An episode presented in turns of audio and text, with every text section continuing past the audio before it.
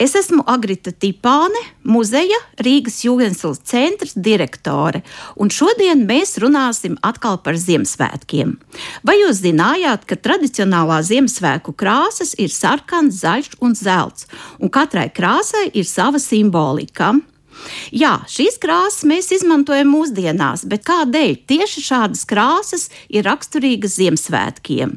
Protams, ka sarkanā krāsa tas ir Jēzus Kristus simbols, kas ir saistīta arī ar rotājumu krāsām, ar mazajiem sarkanajiem āboliem, kurus kādreiz lika eglēs un joprojām liek, kas simbolizē labā ļaunā atzīšanās koku vai paradīzes koku. Nu, savukārt zaļā krāsa simbolizē mūžīgo dzīvību, un tāpēc viens no galvenajiem Ziemassvētku simboliem ir mūžzaļā egle. Telpas rotāja ne tikai ar egles zariem, bet arī ar efejām, ar tūjām, ar āmuļiem. Un arī tie mūžzaļie augi simbolizē mums mūžību un tieši šo dzīvības ideju.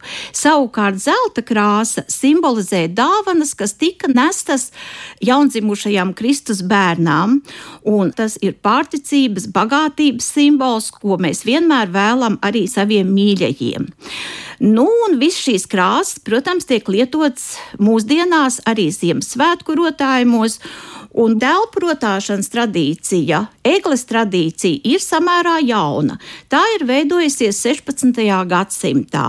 Konkrētas vēsturiskas ziņas ir saglabājušās samērā maz, bet pirmās rotātās eglis ir bijušas Vācijā un arī mūsu Baltijas teritorijā, jo vispār tiek uzskatīts, ka pirmā egli, kas ir tikusi uzstādīta un rotāta, ir bijusi Rīgā, un to ir uzstādījuši Melngāju biedrības biedri pie sava nama. Ap šo egli ir iecādos tā kā karnevālos, dziedāts un dejots, un pēc šiem svētkiem egle ir dedzināta.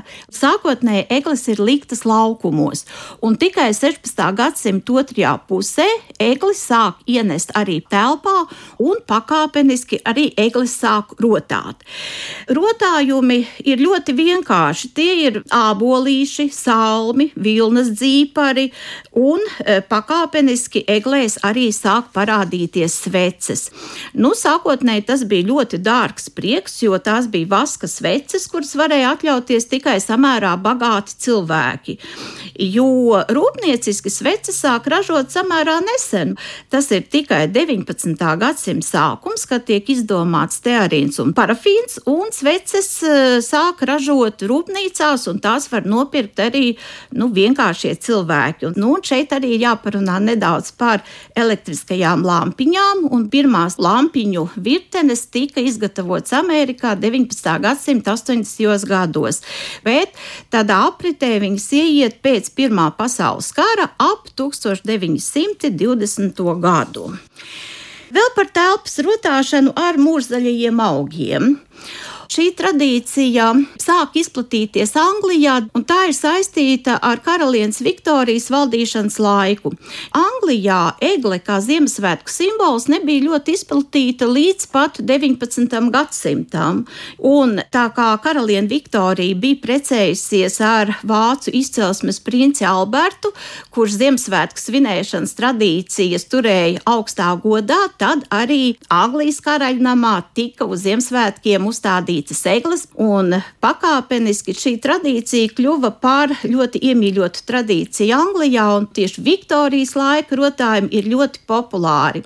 Un man jāaicina uz uh, muzeju Rīgas Jūgenstila centrs, jo mums lielā egle ir rotāta tieši ar šādiem Viktorijas laika rotājumiem, kad rotājums bieži vien varēja paši cilvēki izgatavot, izmantojot dažādus gan zīmējumus, gan stikla bumbas, gan eņģeļa matus, gan pērlītes, gan audumu un mežģīnas.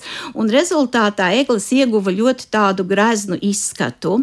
Un tas ir interesanti, ka bērni nu, tā svētkos nemaz tā īsti nepiedalījās un neļāva viņiem piedalīties. Bet jau no 16. gadsimta Ziemassvētki tie arī ir bērnu svētki.